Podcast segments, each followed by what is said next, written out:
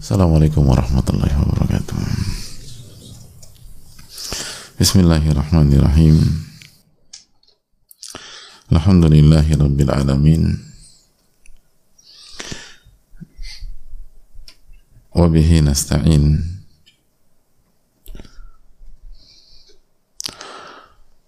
وبه نستعين على أمور الدنيا والدين.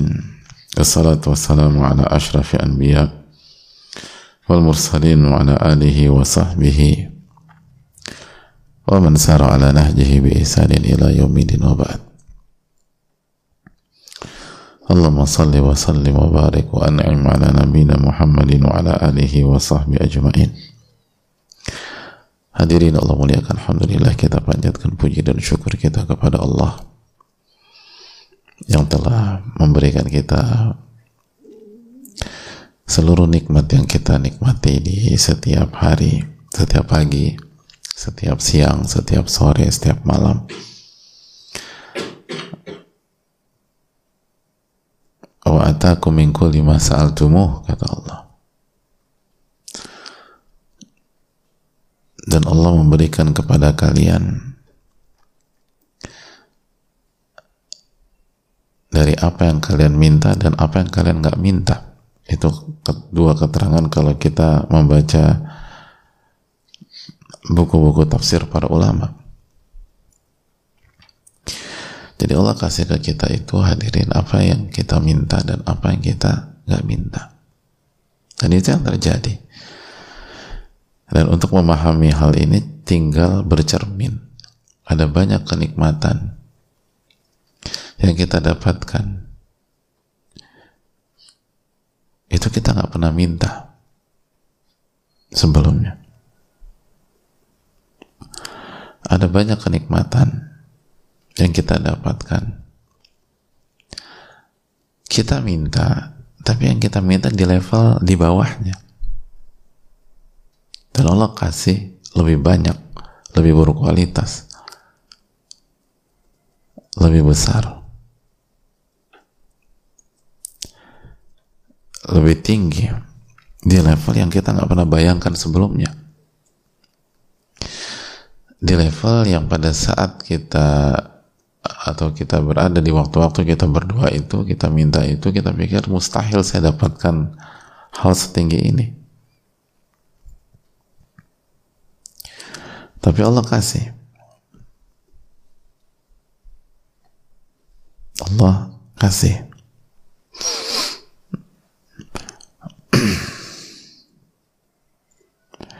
Jadi hadirin Allah muliakan. Maka PR besar kita adalah bersyukur kepada Allah Subhanahu wa taala. PR besar kita adalah bersyukur kepada Allah Tabaraka wa taala.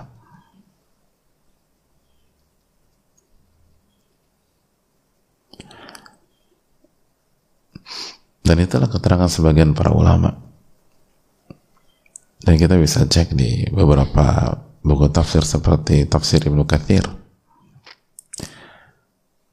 Min kulli ma sa'altumuhu wa ma lam tas'aluh. Maksud dari firman Allah dalam surat Ibrahim ayat 34 ini adalah Allah memberikan kalian apa yang kalian minta dan yang kalian nggak pernah minta Allah kasih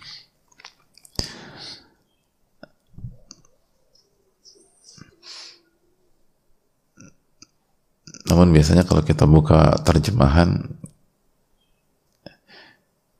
kita mendapatkan tafsir yang pertama apa yang kalian minta. Tapi kalau kita baca beberapa tafsir yang lebih dalam itu makna yang akan kita dapatkan. Dan itu selaras dengan uh, teks ayat tersebut. Tapi pembahasannya cukup dalam tapi intinya jamaah sekalian Allah muliakan banyak-banyak bersyukurlah kepada Allah subhanahu wa ta'ala. Banyak-banyak bersyukurlah kepada Allah. Dan gak ada tidak ada alasan untuk tidak bersyukur kepada Rabbul Alamin.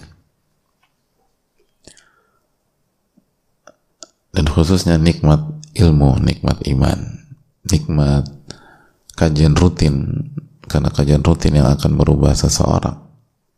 Man nabat. Barang siapa yang konsisten barang siapa yang konsisten kokoh di sebuah titik dia akan tumbuh. Man thabata nabat. Dia akan tumbuh. Dia akan berkembang makanya itulah pentingnya rutinitas yang positif. Karena secara umum kita berubah bukan karena satu dua acara besar di sebuah tahun tapi kita berubah karena rutinitas kita bersama hal-hal yang baik dan hal-hal yang positif hal-hal yang diridhoi oleh Allah Ta'ala Semoga Allah memberikan taufik kita kepada kita sehingga kita bisa mensyukuri nikmat ini dan semoga Allah memberikan kita keistiqomahan amin ya rabbal alamin. Dan kembali kita ingatkan bahwa kita masih berada di bulan Al-Muharram. Salah satu bulan haram. Tiga, uh, bulan ketiga dari tiga bulan haram yang datang berturut-turut.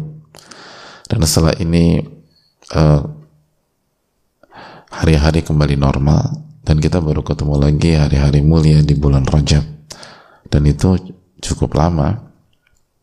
Maka mumpung kita masih berada di uh, tengah bulan bulan Al-Muharram dan kita masih punya kurang lebih setengah bulan ke depan maksimalkan waktu dan maksimalkan hari-hari ini untuk mendulang pahala yang lebih berlimpah daripada biasanya. Dan untuk membangun start yang bagus di tahun 1445 Hijriah ini. Dan uh, bekal untuk mengarungi tahun ini untuk istiqomah di 11 tahun ke depan, eh, 11 bulan ke depan. Semoga Allah memberikan taufik kepada kita untuk memaksimalkan eh, hari-hari uh, ini. Amin. Ya Rabbal Alamin. Hadirin Allah muliakan kita masuk ke pembahasan terakhir dari hadis Abu Isa ketika Nabi SAW menjelaskan apa yang Allah haramkan dan apa yang Allah benci. Haram alaikum uquqal ummahat. Nabi kita alaihi salatu wassalam menyampaikan sesungguhnya Allah mengharamkan durhaka kepada orang tua. Waman anwahat. Dan uh, tidak menunaikan kewajiban serta meminta apa yang bukan haknya. Dal banat. Dan mengubur anak perempuan hidup-hidup وكره لكم قيل وقال وكثرة السؤال وإضاعة المال dan Allah membenci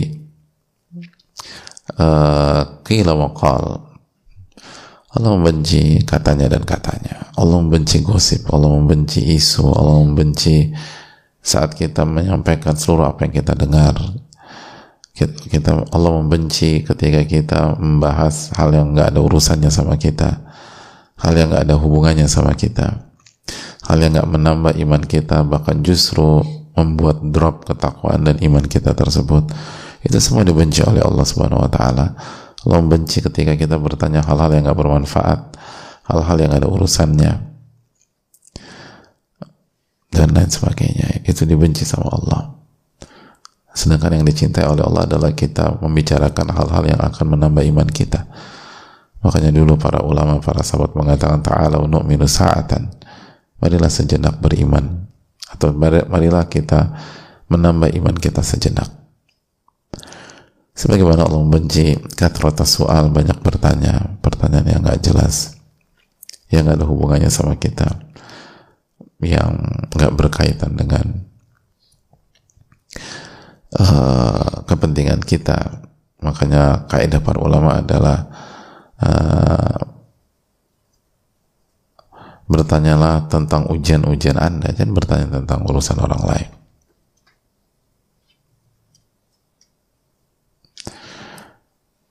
Is'alu mabtuli tumbih.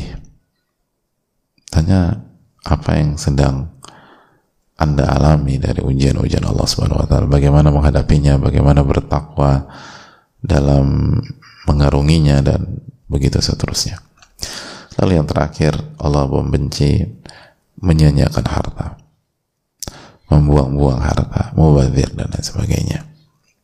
Dan kita sudah jelaskan bahwa ada perincian dan intinya membuang-buang harta itu ketika digunakan di jalan di jalan syaitan digunakan di dalam hal yang haram walaupun satu rupiah tapi kalau di jalan atau di hal yang Allah ridhoi maka itu bukan membuang-buang harta dan menyanyikan harta walaupun 10 miliar walaupun 100 miliar walaupun 1 T dan lain sebagainya.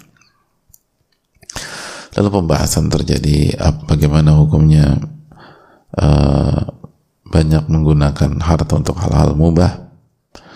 Dan kita sudah jelaskan apabila ini berkaitan dengan atau ini sesuai dengan uh, level dia dan level hartanya dan sesuai dengan uruf di level dia tersebut. Maka uh, hukum asalnya diperbolehkan dan itu tidak termasuk membuang-buang harta. Karena itu bagian dari sabda Nabi SAW Inna Allah yuhibbu an yara athara ni'mati ala abdihi. Sesungguhnya Allah subhanahu wa ta'ala mencintai dan senang apabila melihat dampak dari nikmatnya tersebut ada pada hambanya. Dan ini bagian dari syukur.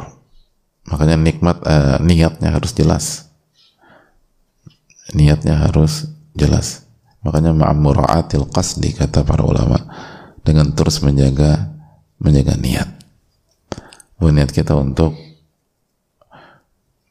membuat Allah mencintai kita niat kita untuk bersyukur dan juga catatannya tidak melalaikan kita dari Allah tidak membuat kita sibuk dari mengingat Allah tidak membuat kita sibuk dari berzikir kepada Allah tidak membuat kita sibuk dari menuntut ilmu, tidak membuat kita sibuk dari mengamalkan ilmu.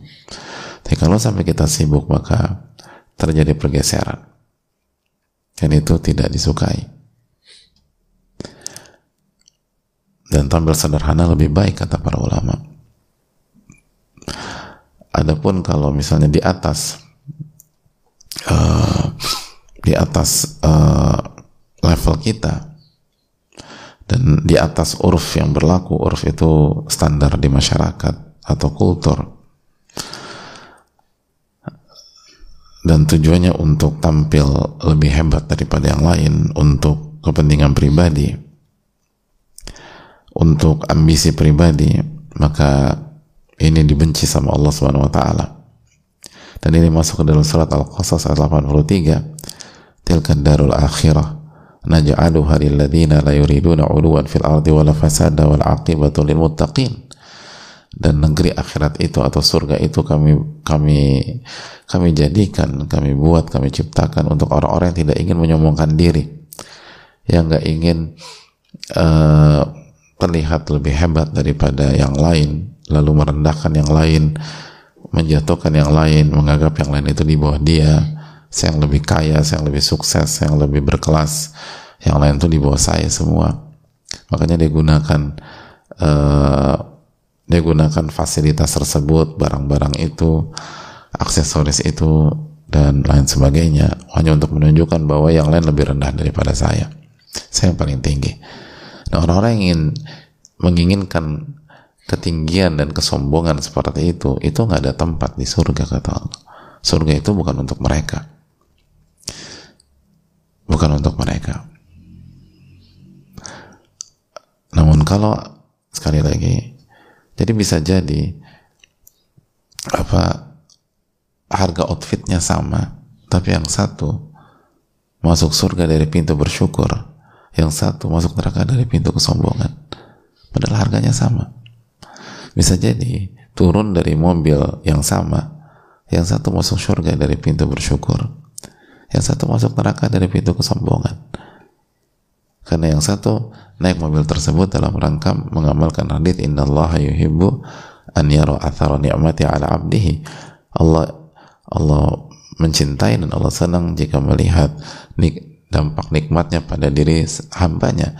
Dan ya yang datang dua menit berikutnya dengan mobil yang sama dengan spek yang sama itu masuk neraka karena surat Al-Qasas ayat 83 tilka darul akhirah naj'aluha lil la yuriduna 'uluwan fil ardi wala fasada wal aqibatu lil muttaqin. Dan kampung akhirat itu surga itu kami kami jadikan bukan eh, kami jadikan untuk orang-orang yang nggak ingin meninggikan dan menyombongkan diri. Dan ingat sombong adalah batul haq wa nas. Sombong adalah sikap menolak kebenaran dan meremehkan manusia. Jadi ini yang perlu kita renungkan. Ini yang perlu kita renungkan dan ini keterangan para ulama kita. Ini keterangan para ulama kita. Dan lihat bagaimana para ulama kita uh, menundukkan masalah ini dengan dengan baik. Dengan uh, luar biasa.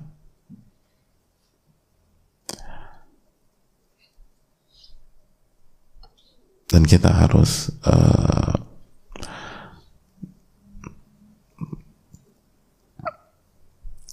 menyimak keterangan mereka.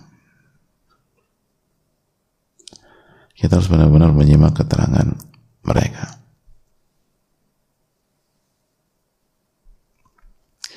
Allah taala.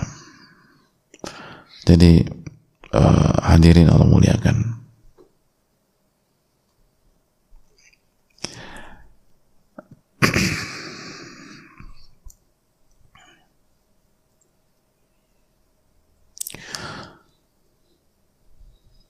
Kondisinya harus diperinci. Nah namun gini loh hadirin. Kalau benar-benar seseorang itu membelanjakan hartanya dalam rangka bersyukur maka itu akan terlihat dari sisi-sisi yang lain. Karena uh, kewajiban bersyukur atau perintah untuk bersyukur bukan hanya dengan membelanjakan harta Jadi klaim bersyukurnya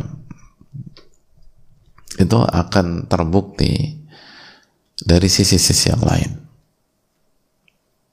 Contoh, kalau benar-benar dia menggunakan atau dia membelanjakan harta yang tidak sedikit itu dalam rangka membuat Allah mencintai dia dan dalam rangka bersyukur, maka di waktu yang sama ia pun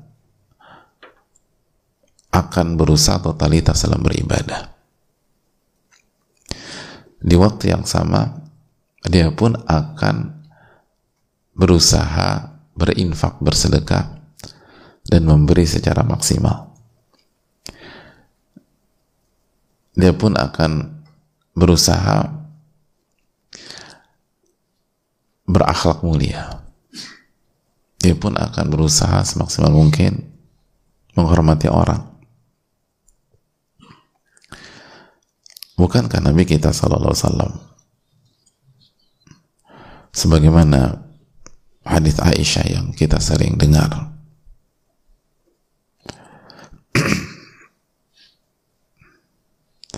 Beliau menyampaikan bahwa atau Aisyah mengatakan bahwa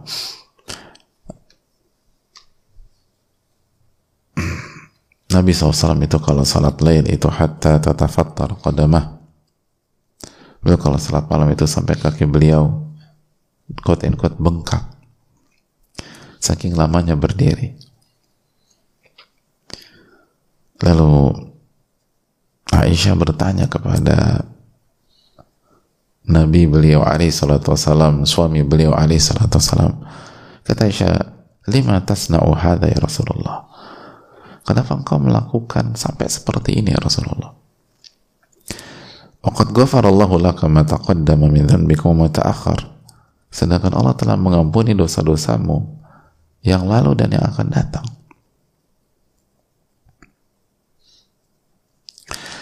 Sedangkan Allah telah mengampuni khilafmu yang lalu dan yang akan datang. Artinya engkau kan udah aman. Sallallahu alaihi wasallam. Kenapa masih ibadah semaksimal ini, masih ibadah se sekeras ini? Masih ibadah setotalitas ini. Apa kata Nabi kita alaihi salatu wasallam afala uhibbu an akuna 'abdan syakura tidakkah aku pantas menjadi hamba yang bersyukur? Hamba yang pandai bersyukur.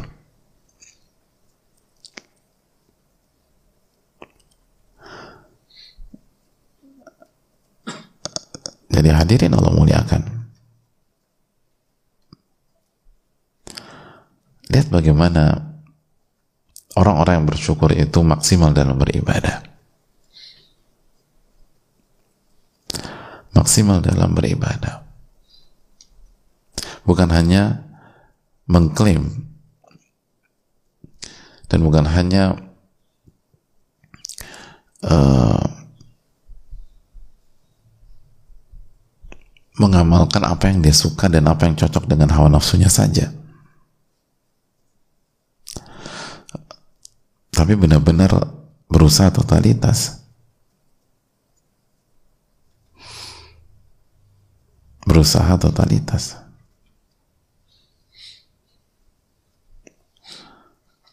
Makanya kan Allah SWT berfirman di dalam uh, surat Sabah ayat 13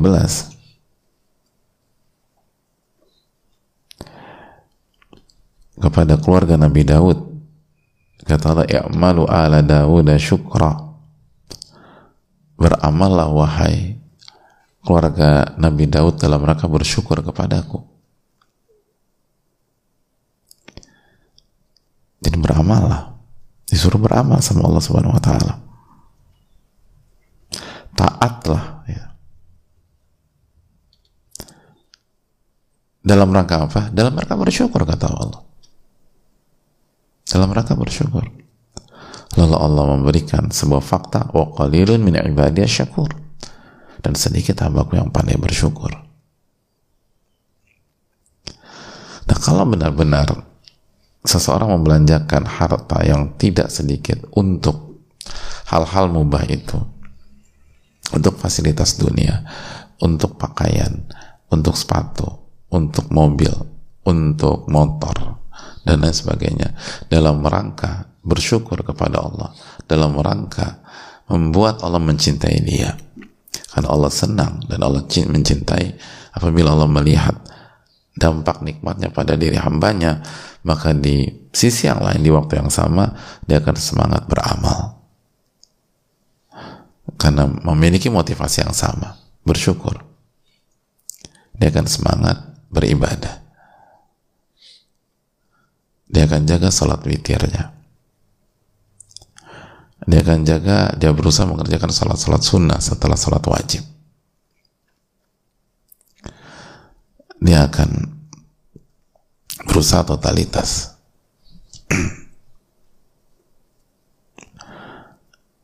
Dia berusaha untuk menjalankan perintah Allah dan menjauhi larangan Allah dia berusaha untuk taat. Ah itulah bersyukur. Itulah bersyukur. Karena klaim dia bersyukur harus dibuktikan juga. Karena klaim dia bersyukur jika hanya dalam kotak ini saja itu sesuai dengan hawa nafsu manusia secara umum nafsu manusia kan secara umum kan kita suka dengan pakaian bagus kita suka dengan baju bagus kita suka dengan mobil bagus kita suka dengan motor bagus kita suka dengan rumah yang luas dan seterusnya. Nah, bisa nggak kita totalitas di sisi lain yang mungkin tidak senyaman sisi sebelumnya untuk diri kita, untuk nafsu kita, untuk kepentingan kita. Tapi kita tetap totalitas dan kita tetap nyaman. Kenapa? Karena sama-sama punya benang merah yang sama, yaitu bersyukur dan ingin Allah mencintai kita. Bukan seperti yang Allah firmankan dalam surat Al-Hajj ayat 11 ketika Allah berfirman wa minan nas man ya'budullah ala harf. Di antara manusia ada yang beribadah hanya di tepian. Hanya beribadah kepada Allah hanya di tepian. Fa in asabahu khairun itma'an nabi dan maksudnya apa? Jika dia mendapatkan kebaikan yang sa yang sesuai dengan kepentingannya keinginannya itma'an nabi maka dia akan tenang dia akan tenang.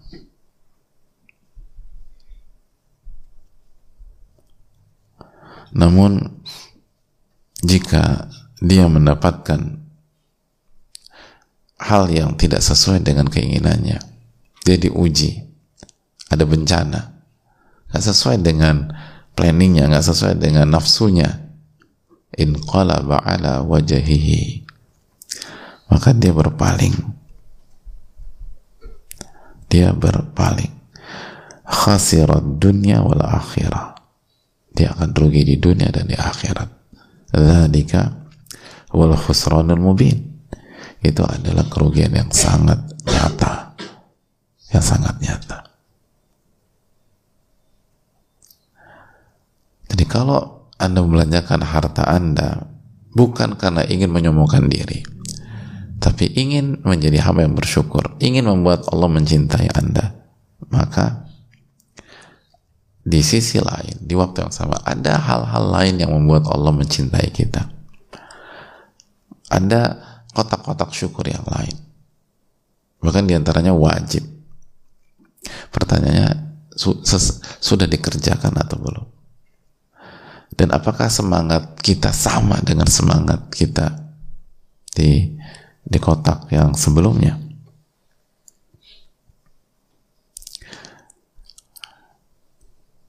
kalau ternyata sikap kita relatif secara umum sama sama-sama semangat dan sama-sama menikmati dan ketika karena karena motifnya sama ingin Allah mencintai kita ingin Allah sayang sama kita, kita.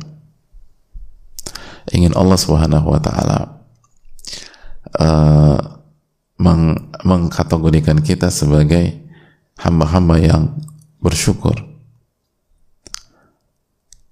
Maka klaim kita pada saat kita melanjakan harta itu adalah klaim yang jujur. Klaim yang jujur klaim yang benar maka ini yang harus dilakukan ya sebagai contoh simpel hadirin Allah berfirman dalam surat Ali Imran ayat 76, Inna Allah yuhibbul muttaqin. Sesungguhnya Allah mencintai orang-orang yang bertakwa dan bertakwa menjalankan perintah dan menjauhi larangan dengan ikhlas dan dengan ittiba mengikuti Rasulullah Wasallam. Kalau memang uh, kita membelanjakan harta dalam rangka dicintai oleh Allah, maka sudahkah kita menjalankan perintah dan larangan Allah Subhanahu menjalankan perintah dan menjauhi larangan Allah Subhanahu wa taala. Allah juga mencintai. Coba buka lagi surat Al-Baqarah 222. Allah Subhanahu wa taala berfirman, "Innallaha yuhibbut tawwabin wa yuhibbul mutatahhirin." Sesungguhnya Allah mencintai orang-orang yang banyak bertaubat dan orang-orang yang uh, hobi membersihkan dirinya baik zahir maupun batin. Baik zahir dengan berwudu, mandi, tayamum kalau nggak ada air. Dan dengan uh, dan membersihkan hatinya dan jiwanya. Itu hal yang penting. Jadi di samping anda suka kita suka belanja banyak bertobat apa enggak menjaga hati apa enggak? Salah satunya menjaga hati dari kesombongan. Terus bagaimana keselarasan hidup kita dengan sunnah Rasulullah Sallallahu Alaihi Wasallam? Karena Allah berfirman dalam surat Ali Imran ayat 31, "Qul in kuntum tuhibbunallah fattabi'uni yuhibbukumullah wa yaghfir lakum dzunubakum." Katakanlah jika kalian mencintai Allah, benar-benar mencintai Allah, maka ikutilah aku niscaya Allah akan yuhibbukumullah. Allah akan mencintai kalian. Itu. Allah akan mencintai. Wa yaghfir lakum dzunubakum dan Allah akan ampuni dosa-dosa kalian. Bagaimana semangat kita mengikuti Rasulullah SAW semangatnya seperti beli ini dan beli itu apa enggak karena kan klaim kita pada saat kita beli ini beli itu dalam rangka mengikuti sunnah juga. Karena Nabi SAW yang bersabda tadi, sesungguhnya Allah mencintai jika Allah melihat dampak nikmatnya pada diri hambanya. Nah ini kan juga sunnah. Sunnah-sunnah Nabi kan juga nggak hanya itu. Lalu bagaimana dengan surat Ali Imran ayat 159? Fa'idha azamta fatawakkal ala Allah inna Allah yuhibbul mutawakilin jika anda berazam bertekad maka bergantunglah kepada Allah bertawakallah kepada Allah. Sesungguhnya Allah mencintai cinta lagi mencintai orang-orang yang bertawakal.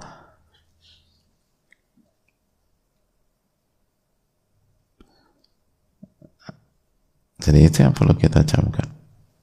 Allah mencintai orang-orang yang bertawakal. Yang kalau menghadapi segala sesuatu bergantungnya bukan ke manusia tapi bergantungnya kepada Allah Subhanahu wa taala itu cinta Allah.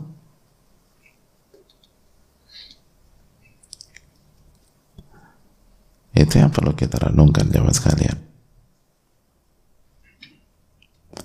Terus bagaimana akhlak kita? Sebagaimana uh, hadis Usama ketika uh, Para sahabat bertanya, Man ahabu ibadillahi ilallah. Siapakah hamba-hamba Allah yang paling Allah cintai? Kata Nabi SAW, ahsanuhum akhlaqa. Yang paling baik akhlaknya. Yang paling baik akhlaknya. Jadi ada banyak hal hadirin yang perlu kita renungkan sehingga kalau ini semua berusaha berusaha ya mungkin kita nggak nggak bisa mengerjakan semuanya dengan level yang yang sama. Tapi ketika kita berusaha maka itulah arti dari kejujuran. Ini yang bisa disampaikan. Uh, dan semoga kita termasuk orang-orang yang bersyukur. Dan orang-orang yang jujur ketika melakukan sesuatu dan semoga Allah Subhanahu wa taala memberikan taufik kepada kita untuk bisa mengamalkan ilmu kita dan bisa bermain di level keju kejujuran dan dan dan level syukur kepada Allah Subhanahu wa taala. Aku lakukan hadza wa astaghfirullah wa lakum subhanaka wa la ilaha illa anta astaghfiruka wa atubu ilaik. Assalamualaikum warahmatullahi wabarakatuh. Syukran. Istiqomah bersedekah raih 700 kali lipat pahala. Masya Allah, ada 700 kali lipat pahala yang Allah janjikan bagi setiap hambanya yang bersedekah dalam rangka meraih ridhonya. Ayo, maksimalkan sedekah kita di bulan Al-Muharram, bulan mulia terakhir dari rangkaian 4 bulan haram. Sampaikan sedekah terbaik kita, mulai dari yang terdekat, seperti keluarga, kerabat, hingga saudara jauh yang membutuhkan. Sahabat juga bisa terlibat dalam perjuangan menebar kebaikan melalui program ragam aktivitas Muhajir Project Peduli yang insya Allah bermanfaat. Terus kejar keberkahan dengan mendukung ragam aktivitas kebaikan Muhajir Project Peduli.